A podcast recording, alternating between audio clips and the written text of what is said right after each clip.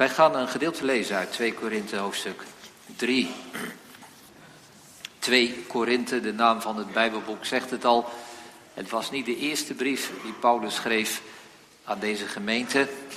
Als we deze brief lezen, zien we eigenlijk een mengeling van emoties. Aan de ene kant is Paulus sterk verbonden aan de mensen van Korinthe. Hij is dankbaar voor alles wat er goed gaat. En tegelijkertijd is hij ook wel door hen beschadigd of in ieder geval teleurgesteld. Hij heeft ze aan moeten schrijven en moeten corrigeren. Omgekeerd, in deze gemeente zijn er mensen die Paulus liefhebben, maar er zijn ook mensen die veel kritiek hebben en hem als persoon en als apostel verdacht houden. Daar zal het over gaan. Ze vragen zich af of hij wel een apostel is, of hij wel werkelijk gezonde is, enzovoort. 2 Korinthe 3, wij lezen vers 1 tot en met 9. En hier lezen wij, beginnen wij onszelf weer aan te bevelen of hebben wij, zoals sommige, aanbevelingsbrieven voor u nodig of aanbevelingsbrieven van u? U bent onze brief, geschreven in onze harten, gekend en gelezen door alle mensen. Het is immers openbaar geworden dat u een brief van Christus bent, door onze bediening opgesteld, geschreven niet met inkt, maar door de geest van de levende God. Niet op stenen tafelen, maar op tafelen van vlees, van de harten. Zo vertrouwen nu hebben wij door Christus op God. Niet omdat wij van onszelf bekwaam zijn iets te denken als was het uit onszelf, maar onze bekwaamheid is uit God. Hij heeft ons namelijk bekwaam gemaakt om dienaars van het nieuwe verbond te zijn, niet van de letter, maar van de geest. Want de letter dood, maar de geest maakt levend. Als nu de bediening van de dood met letters in stenige grift in heerlijkheid was, zodat de Israëlieten hun ogen niet op het gezicht van Mozes gericht konden houden vanwege de heerlijkheid van zijn gezicht, hoewel die teniet gedaan zou worden. Hoeveel te meer zal dan de bediening van de geest in heerlijkheid zijn. Want als de bediening van de verdoemenis al heerlijkheid geweest is, veel meer is de bediening van de gerechtigheid overvloedig geweest in heerlijkheid. Tot zover de lezing van de schrift. De tekst voor de preek is vers 6. 2 Korinthe 3, vers 6. Hij heeft ons namelijk bekwaam gemaakt om dienaars van een nieuwe verbond te zijn.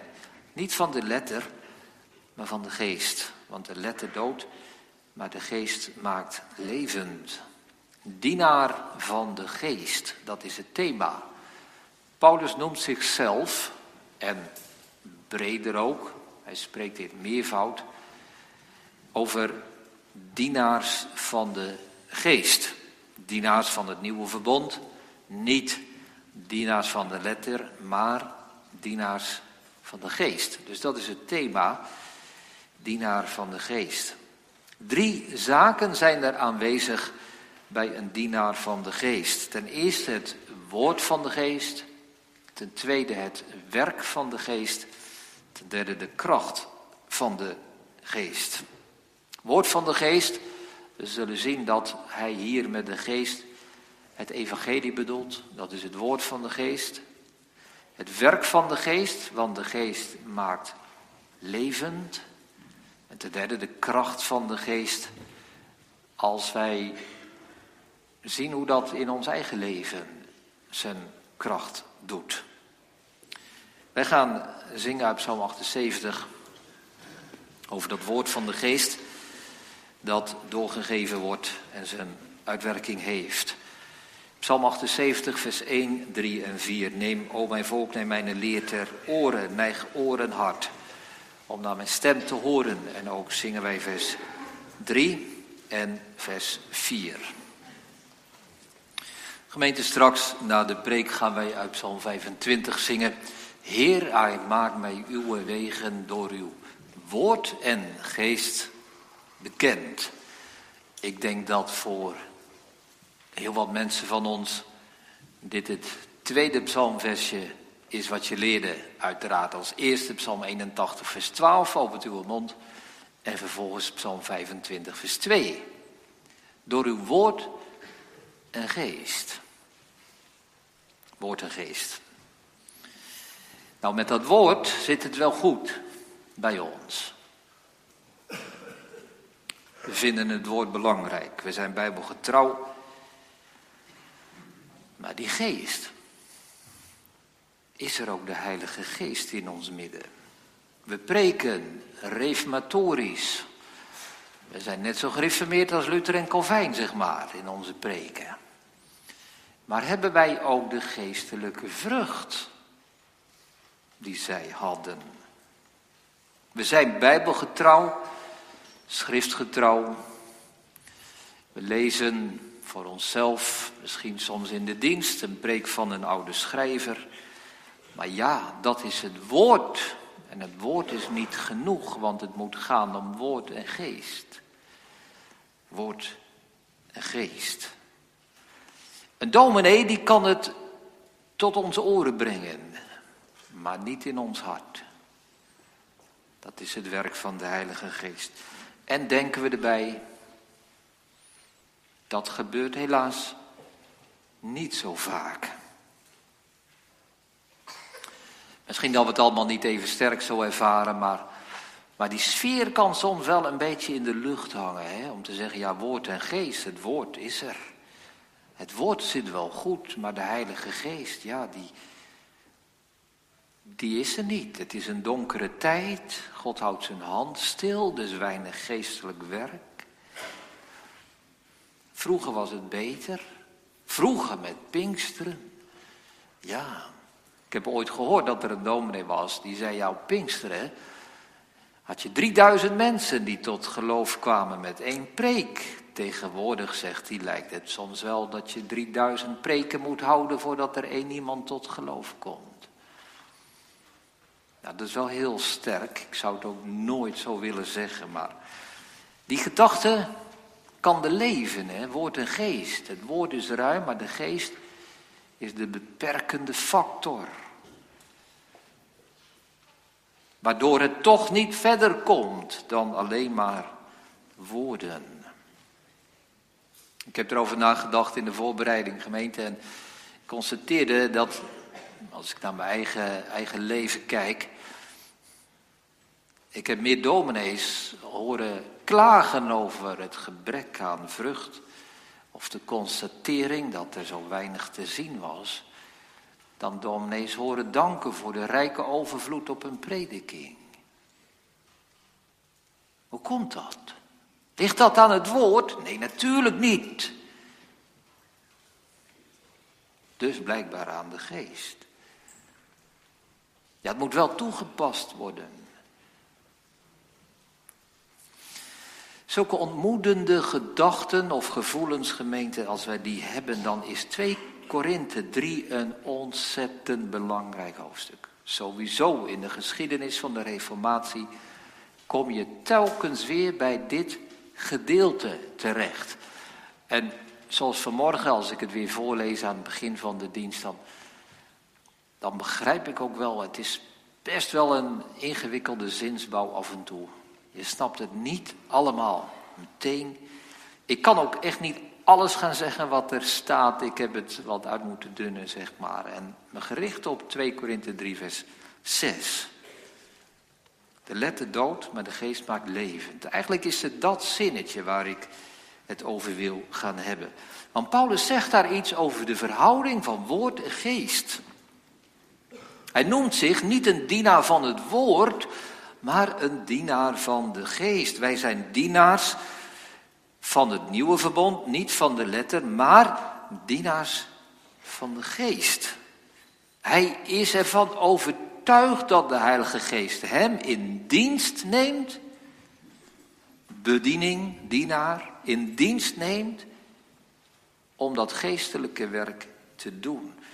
Er zijn dominees die zetten achter hun naam VDM, Verbi Divini Minister, dienaar van het goddelijke woord. Paulus die zou ja, dat er ook wel achter kunnen zetten, maar die zou erachter zetten Spiritus Divini Minister. STM. Dienaar van de goddelijke geest. Dat is nogal wat. Dat Paulus met, met zelfverzekerdheid, met onbekommerdheid zegt: Ik ben in dienst van de Heilige Geest. Ik breng niet alleen het woord, maar als ik preek, werkt de Heilige Geest. En hij zegt er niet in het enkelvoud dienaar, maar hij breidt het uit. Dienaars, meervoud. Woord en geest. Nou, dat is veelbelovend. Ook wij mogen verwachten dat de Heilige Geest werkt, levend maakt, aanwezig is. Drie dingen. Allereerst het woord van de geest. Het woord van de geest. Als wij het over het woord hebben, dan bedoelen we de Bijbel. Het woord, de Bijbel, de schrift, het evangelie. Het zijn allemaal woorden die we vaak als het ware door elkaar gebruiken, naast elkaar. Oude Testament, Nieuwe Testament. 66 Bijbelboeken samen, het woord. En de taak van de dominee is om het woord te brengen, om het woord uit te leggen, om de tekst te verklaren. Dus als u, als jij straks naar huis gaat, dan moet je weten wat er in de tekst staat. Je moet het woord meenemen. En de rest dan? Is dat genoeg? Ja, maar dat is werk van de geest. Nou, zo dus niet bij Paulus gemeente. Voor Paulus zou dat veel te weinig zijn om te zeggen, ik houd een preek en als je naar huis gaat, dan moet je weten wat er in die tekst staat. En dan moet je 2 Korinthe 3 vers 6 uit je hoofd kunnen opzeggen, zeg maar, en weten wat er, waarover gepreekt is. Nee, nee, hij is geen dienaar van het woord alleen, hij is dienaar van de geest. Hij maakt daarvoor een tweedeling. Hij zegt, ik ben niet een dienaar van de letter, maar wel van de geest. En die letter is een verwijzing naar de letters in de wet. We hebben dat meegelezen. We kijken even naar vers 3 bijvoorbeeld. Het is geschreven niet op stenen tafelen, staat er aan het einde, maar op tafelen van vlees. Die stenen tafelen, dat is uiteraard de tien geboden, de wet van Mozes, die in dat steen werden gebeiteld, gekerfd door God zelf. De wet. Dat werd niet geschreven van binnen in ons hart, maar het was van buiten. Stenen tafelen, je kunt daar naar kijken, je kunt dat lezen, je kunt die letters zien, maar daarmee zit die wet nog niet in je hart uiteraard. Het is iets van buiten. Dat noemt hij de letter. Dus als het hier over de letter heeft, dan bedoelt hij de wet van God met geboden en bedreigingen, geschreven in steen. En daartegenover plaatst Paulus de geest. En de geest is het evangelie. Dus wet en evangelie zien we hier. Als iemand uh, de kanttekeningen heeft van de Statenvertaling, je kunt het er zo terugvinden. En het wijst, als je het verder leest, dan wordt het ook wel duidelijk. De bediening van de gerechtigheid, de dienst van de geest, dat is de evangelie. Dus wet en evangelie worden hier aangeduid als letter en als geest. Hij zegt dus, ik ben een dienaar van de geest, ik ben een dienaar van het evangelie. Ik breng het evangelie. 1 Korinthe 9, vers 16 zegt hij, wee mij als ik het evangelie niet verkondig. Het is mij opgelegd. Nou, daar zien we iets verrassends, iets prachtigs gemeente. Hij noemt dat evangelie geest. Met een hoofdletter. Dus wij hebben het over woord en geest, dat is prima. Wij noemen dat als twee dingen. Wij plaatsen ze naast elkaar. En wat doet Paulus? Eén. Evangelie is geest. Evangelie is geest. Als hij het evangelie brengt, dan is daar de Heilige Geest. Als hij het evangelie verkondigt, dan werkt de Heilige Geest. dan valt als het ware die tweedeling of dat onderscheid weg. Dat betekent dus wel, gemeente, dat een dominee meer moet doen dan het woord brengen, dan de Bijbel uitleggen, dan de schrift verklaren, dan de tekst toelichten. Dat is allemaal goed, maar dat zijn toch nog te ruime, te algemene woorden. Hij moet niet de Bijbel uitleggen, hij moet het evangelie verkondigen. Want die belofte van de geest is aan het evangelie verbonden. Niet aan willekeurig elke tekst. Ja, wat is dan het evangelie? Wat is het evangelie, gemeente? Dat is niet een stukje uit de evangeliën. Matthäus, Marcus, Lucas, Johannes. Maar evangelie, goede boodschap, betekent dat... Evangelie is de boodschap van genade, vergeving, redding, zaligheid, leven. Dankzij onze Heer Jezus Christus. Die letter, die wet, die tien geboden, die vertellen wat wij moeten doen. Vanmorgen hebben we ze weer horen voorlezen.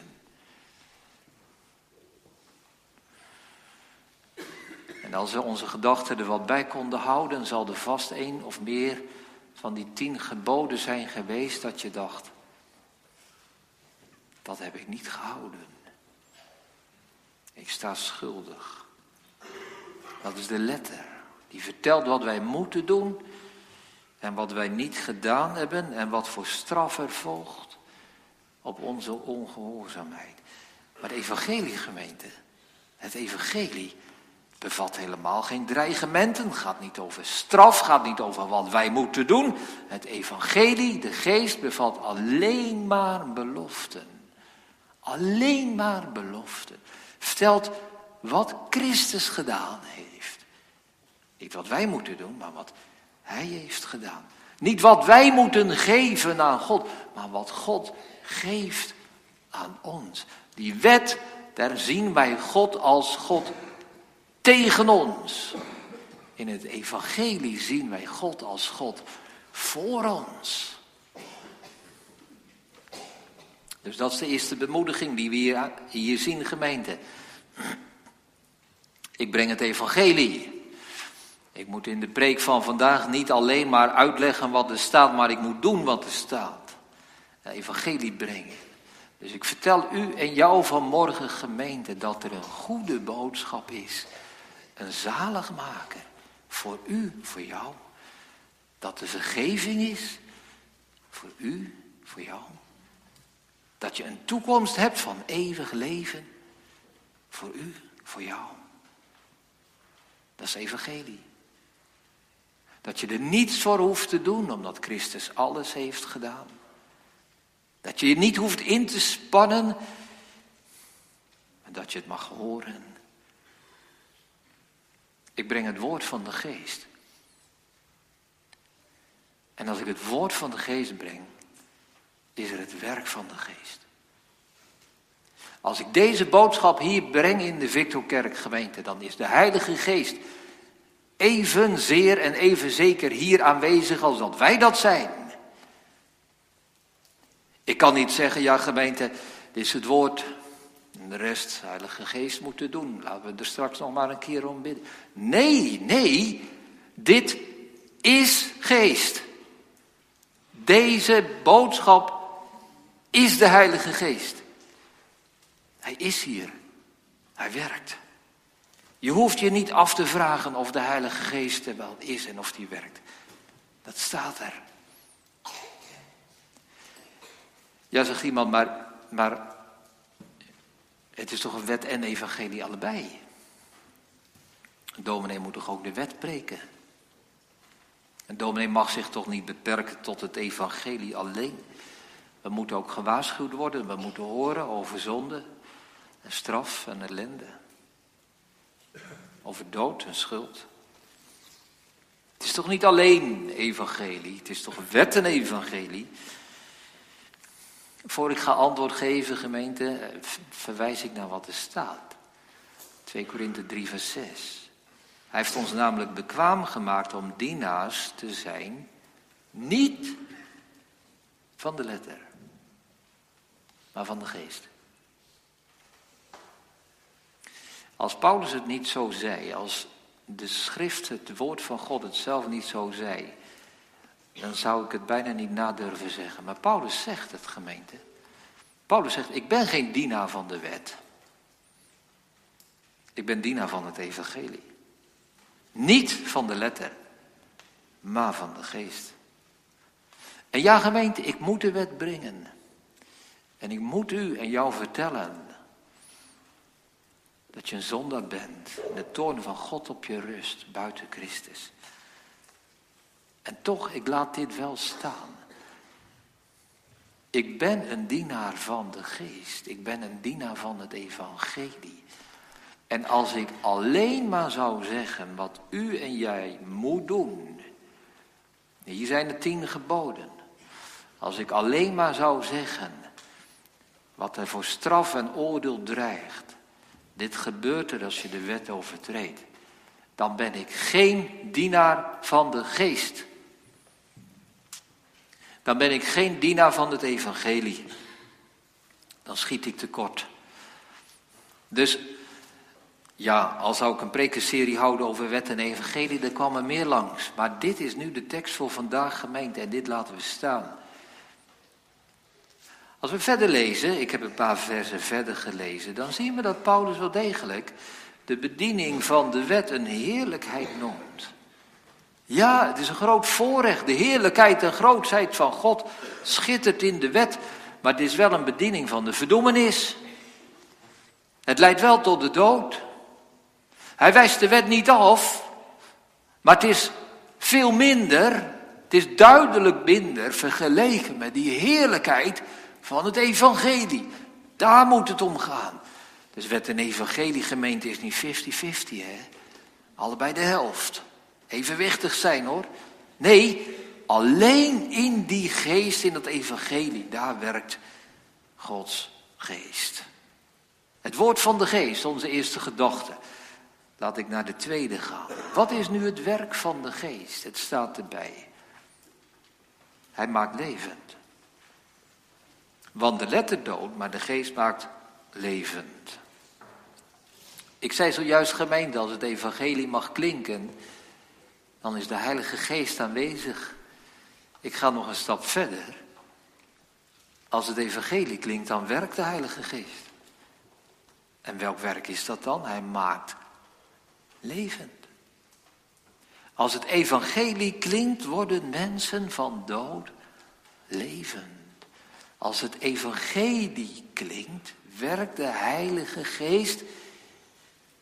Hoe dan? Wat doet hij dan? Hij maakt levend. Dode zondaren, hier aanwezig. Hoor je dit? Hoe kan ik ooit levend worden, denk je? Hoe kan ik ooit bekeerd worden? Hoe komt er ooit genade voor mij? Nou, je bent op de goede plek, want hier is de Heilige Geest die levend maakt. Door het woord. Neig uw oor. Jesaja 55. Kom tot mij. Luister en uw ziel zal leven. Johannes 6, vers 63. Woorden van Christus zelf. De woorden die ik tot u spreek, zijn geest en zijn leven. Hoe kan ik van dood levend worden? Luisteren naar het woord van de geest. Want die wetgemeente, die letter, hè, die maakt je niet levend. De letter dood. Levend worden, bekeerd worden, gebeurt alleen onder het evangelie. Ik kan de wet preken. Ik kan zeggen wat het oordeel van God is. Ik kan zeggen dat je een dode, schuldige zondaar bent. En dan, dan zit je in de kerk en je hoort die boodschap. En je wordt nog doder dan dat je al dood bent. Toch, uiteindelijk, als we alleen die wet horen, gemeente, dan voelen wij de angst toenemen. De wanhoop. De boosheid tegen God. Die wet maakt jou niet zacht. Hè? Die wet maakt jou niet onderdanig. Die wet laat jou niet buigen voor God.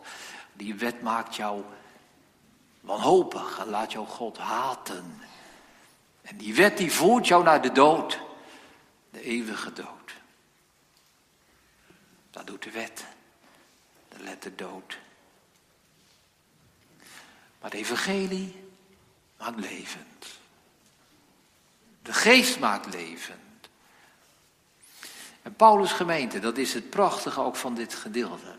Paulus kon de mensen ook gewoon aanwijzen.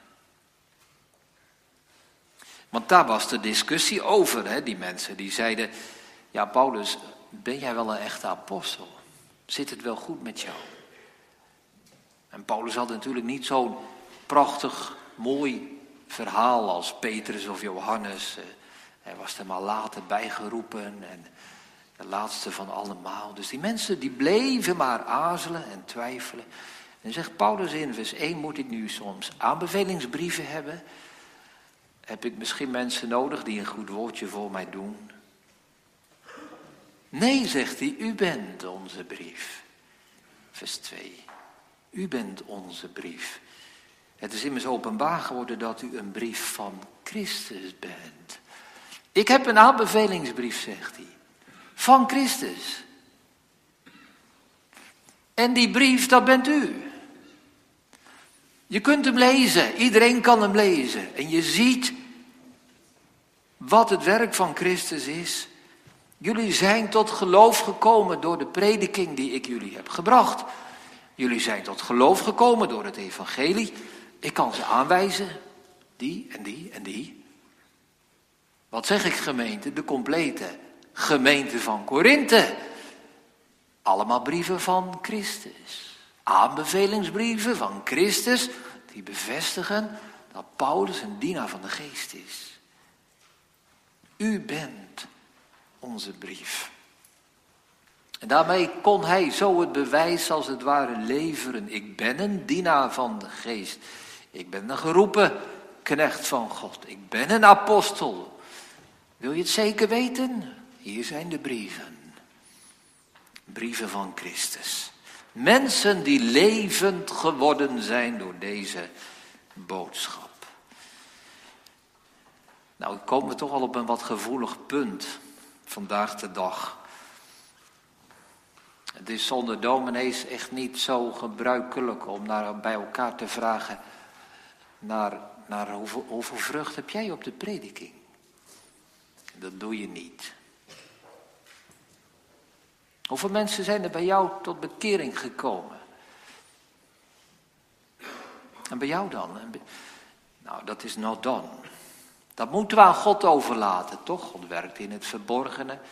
We weten dat niet. Het zal eenmaal wel openbaar worden op de grote dag des Heren. Dat zeggen we dan. De meeste dominees hebben er natuurlijk nog wel een tekst bij. Maar dat is niet wat Paulus hier zegt. Paulus zegt, hier zijn mijn brieven. Mijn aanbevelingsbrieven. De brieven van Christus. Hier zijn de mensen die tot geloof gekomen zijn. Hij zegt het in de gelaten brief ook. Ik heb jullie voortgebracht, ik heb jullie gebaat, jullie zijn mijn geestelijke kinderen. Dat is voor hem volstrekt zeker. Hij is een dienaar van de geest. Hij is een geroepen apostel. Hoe weet je dat, Paulus? Nou, zegt hij, het werk van de geest. Levend gemaakte mensen. Beste bewijs dat een dominee geroepen is. Dus we mogen die, die vraag stellen aan predikanten. En een dominee hoeft niet uit een soort bescheidenheid te zeggen, nou ja, ik, ik ga daar niet op in, het gaat daar niet over. Als dit nu aanbevelingsbrieven van Christus zijn, als Christus als het ware aan de dominee zegt, hier heb je mijn aanbevelingsbrief. En die mag je mensen laten lezen als ze je vragen, als ze eraan twijfelen of je wel een echte geroepen dienaar van de geest bent. Laat die brief maar lezen, dan stop je die brief toch niet weg. En dan verberg je hem toch niet, dan verzwijg je dat niet. Dan laat je hem lezen. Het werk van Christus. En dat betekent dus gemeente, als wij, als wij verlangen naar leven, als u, als jij verlangt naar geestelijk leven, naar het werk van de geest in jouw leven, zorg dat je onder het evangelie zit. Zorg dat je zit onder de bediening van een dienaar van de geest. Want daar gebeurt het. Het is niet genoeg hoor. Om te wachten en te wachten. En naar de kerk te gaan en te hopen dat het ooit gebeurt. Dat woord zit wel goed, maar die Heilige Geest, hè? Nee, die gaan samen op. Het werk van de Geest is waar het woord van de Geest is. En ik zeg dit niet om kritiek te hebben op mede-predikanten. Dat, dat dominees het fout zouden doen. Als ik, als ik kritiek heb, gemeente vanmorgen, dan is het op de hoorders. Misschien wel op u en op jou. Omdat er zoveel mensen maar slikken wat er gezegd wordt. Het zal wel goed zijn. Het is toch een goede dominee, het is toch een goede kerk. Het lijkt wel alsof zoveel mensen het niet uitmaken of ze nu letter horen of geest. Er zijn veel mensen die nog niet het verschil weten tussen wet en evangelie. Maakt het je dan niet uit of je dood bent en blijft of dat je levend wordt? Maakt het je niet uit wat je toekomst is? Zaligheid of rampzaligheid? Verloren of behouden, zonder God of met God. Luister je dan niet of je wel het evangelie hoort?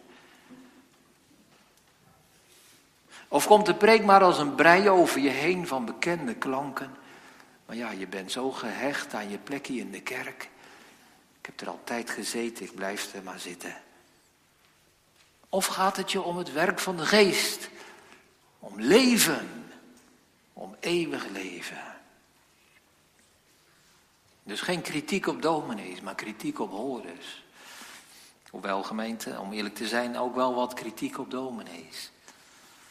Ik kwam laatst een stukje tegen van Baxter, Richard Baxter, de puritein uit de 17e eeuw, die een boekje geschreven heeft, de Reformed Pastor, de gereformeerde herder.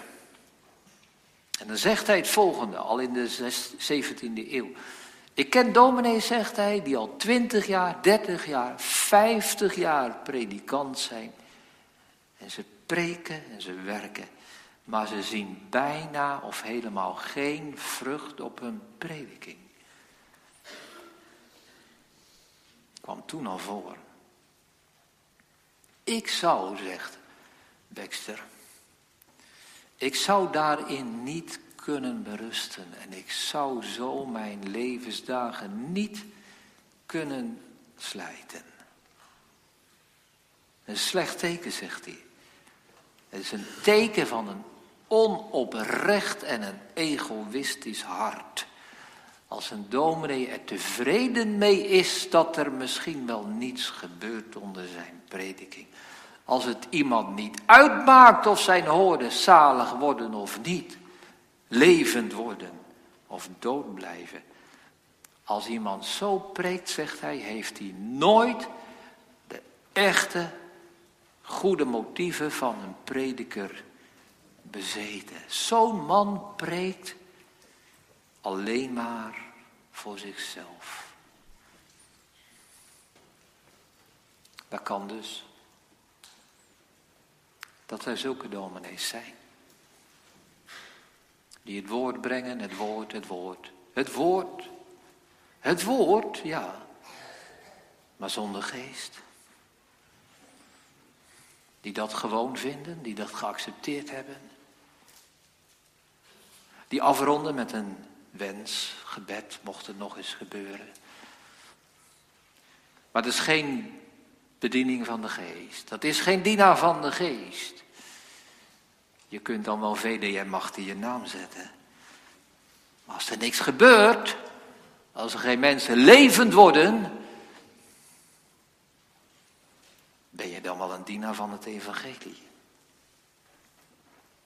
Kritiek dus, ja gemeente, helaas. Maar omwille van u, omwille van jou. Laat je niet ontmoedigen. Laat je niet wijsmaken dat de Heilige Geest niet meer werkt. Ga niet denken dat jouw kans op redding en zaligheid wel erg klein is. En dat je misschien nog jaren in de kerk moet zitten en maar afwachten of het ooit, ooit, ooit nog eens een keer gaat gebeuren. Weg met die moedeloze en die geesteloze stemming, gemeente. Het is Pinksteren geweest. De Heilige Geest werkt altijd, overal, elke keer, als het evangelie wordt gebracht. En als de evangelie wordt gebracht, dan is daar de bediening van de geest. En de geest maakt levend. Het is nog net zo rijk alsof het vandaag de Pinksterdag is. Want het is hetzelfde evangelie en het is dezelfde geest. De derde gedachte, de kracht van de geest. We hebben het woord van de geest gezien, dat is het evangelie. We hebben het werk van de geest gezien, dat is leven maken. De kracht van de geest. Want die heilige geest, gemeente, die werkt aan de binnenkant. Die wet, die letter, is aan de buitenkant. Dat is in stenen tafelen.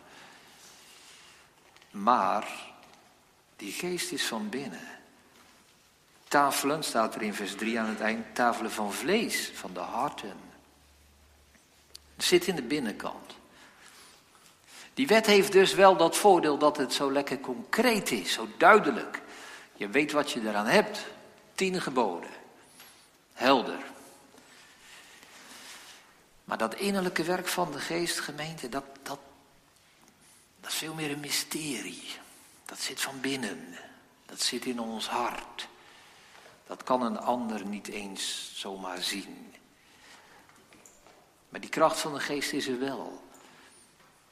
Het is voor mij als predikant toch wel een van de meest bijzondere ervaringen geweest. Twee dingen. Twee dingen merkte ik in al die jaren dat ik gepreekt heb. Dan sta je op de preekstoel en dan breng je het woord. En dan straks dan, dan, dan lopen we terug en dan hebben we nog even een gesprek in de consistorie met de broeders. En iedereen gaat naar huis. En wat heeft het nu gedaan? Ik weet het niet. Ik kan het niet zien. Want wat er gebeurt, gebeurt van binnen. Ik kan de gezichten zien, maar ik kan de harten niet zien. Ik kan soms denken, er wordt goed geluisterd, maar dat is buitenkant. Of ik kan denken, wat was het onrustig en rumoerig zeg. En toch werkt God. Nou, twee dingen heb ik gemerkt, gemeente. De ene kant besef van mijn eigen machteloosheid. Ik ben bezig geweest, ook nu weer van de week in de voorbereiding. En soms veel, het is soms zwaar om zo'n preek voor te bereiden. En dan houd ik de preek hier. En dan denk ik. Ja, maar laten we eerlijk zijn, we willen helemaal geen bekering. We willen niet veranderen. We willen ons niet laten gezeggen. Wat sta je nou nu te praten tegen dode zondaren? Die gaan echt niet levend worden hoor. Mensen hebben zoveel vooroordelen, zoveel belemmeringen, zoveel weerstand. Al zou een, iemand uit de doden opstaan, staat er in de Bijbel. Ze laten zich niet gezeggen. Dat is mijn machteloosheid. Mijn besef dat mijn woorden echt niemand veranderen. En de tweede gemeente, dat is echt wel een van de allermooiste dingen om dominee te zijn. Die verrassing, echt elke keer weer die verrassing, dat er wat gebeurt. Dat de Heilige Geest daar in de harten schrijft. Geloof schrijft. Mensen levend maakt. Toen ik predikant was in Rotterdam in de Laankerk, er was een jonge man die mij al iets vertelde dat hij naar de kerk kwam. Hij heeft het mezelf verteld, dus ik kan ervoor instaan dat het een betrouwbare boodschap is. Hij zegt, dominee, ik ging naar de kerk en ik had mij vast voorgenomen om niet te luisteren. Mij af te schermen, om mijn hart dicht te doen, om de zaak op slot te zetten. Ik wilde niet luisteren. Maar, zegt hij, ik moest luisteren. En dat woord kwam binnen en raakte mijn hart. Dat is de Heilige Geest. Dat is het evangelie dat mensen verandert en raakt. Dat is niet gemeend omdat dat mijn prestatie is, want het is helemaal geen prestatie. Het is het werk van de Heilige Geest. Het is een prachtig verhaal van Spurgeon. Spurgeon in Londen. Er werd een nieuw kerkgebouw gemaakt, de Tabernacle. Gigantisch groot kerkgebouw. En terwijl dat in aanbouw was, het was nog niet helemaal klaar, ging Spurgeon een keer kijken hoe ver het was. En hij, hij, ging, de, hij ging de op. En hij zag die grote ruimte. En ze hadden natuurlijk nog geen microfoon. Als je bij mij het niet doet, dan komt de koster naar voren. Maar in die tijd had je geen microfoon. Dus Spurgeon die moest met zijn eigen krachtige stem die ruimte zien te vullen. Hij dacht, laat ik een keer oefenen in die grote lege kerk. Dus hij stond op de kansel en haalde een keer goed adem. En hij schreeuwde door die kerk die tekst uit Jezaja. Wend u naar mij toe en word behouden. Alle gij einde der. Want ik ben God en niemand meer. Maar wat hij niet had gezien, was dat er ergens op de galerij tussen de banken een timmerman bezig was. En die man die was daar zijn werk aan doen. En die hoort opeens die tekst. En die komt tot geloof. De kracht van de geest die in onze harten werkt. De kracht van de geest, gemeente, is dat je gaat geloven. Die wet, die letter, die vraagt om gehoorzaamheid, die vraagt om werken, die vraagt om prestaties, die vraagt om inzet. En het is altijd te weinig. En dat gebeurt niet. We redden het niet. Maar deze boodschap van het evangelie vraagt om geloof. En zo mogen wij hier samen zijn. Wet en evangelie. Maar vooral evangelie. Niet de woorden van God die tegen jou zijn. Maar de woorden van God die voor jou zijn. De boodschap dat er redding is voor jou in de Heer Jezus. De boodschap dat er een zaligmaker is voor jou. De boodschap dat er een God is die de wereld zo lief heeft gehad. Dat hij zijn enige geboren zoon gegeven heeft. Voor jou. Voor u.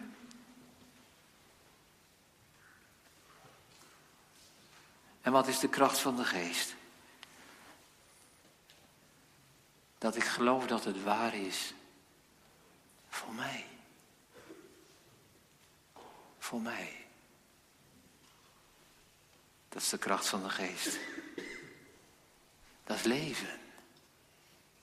Verlangt u ernaar, zo in deze dagen rondom Pinksteren, naar meer leven? Wat moet je daarvoor doen? Luisteren. Het woord van de geest. Die goede geest die ons vertelt dat God liefde is en ons behoud wil. Geloof het. Geloof het maar. Aanvaard dit woord dat God naar ons toezendt. De bediening van de geest. Het leven door de geest. Je mag het geloven. Je hoeft slechts te geloven. Met minder kan het niet.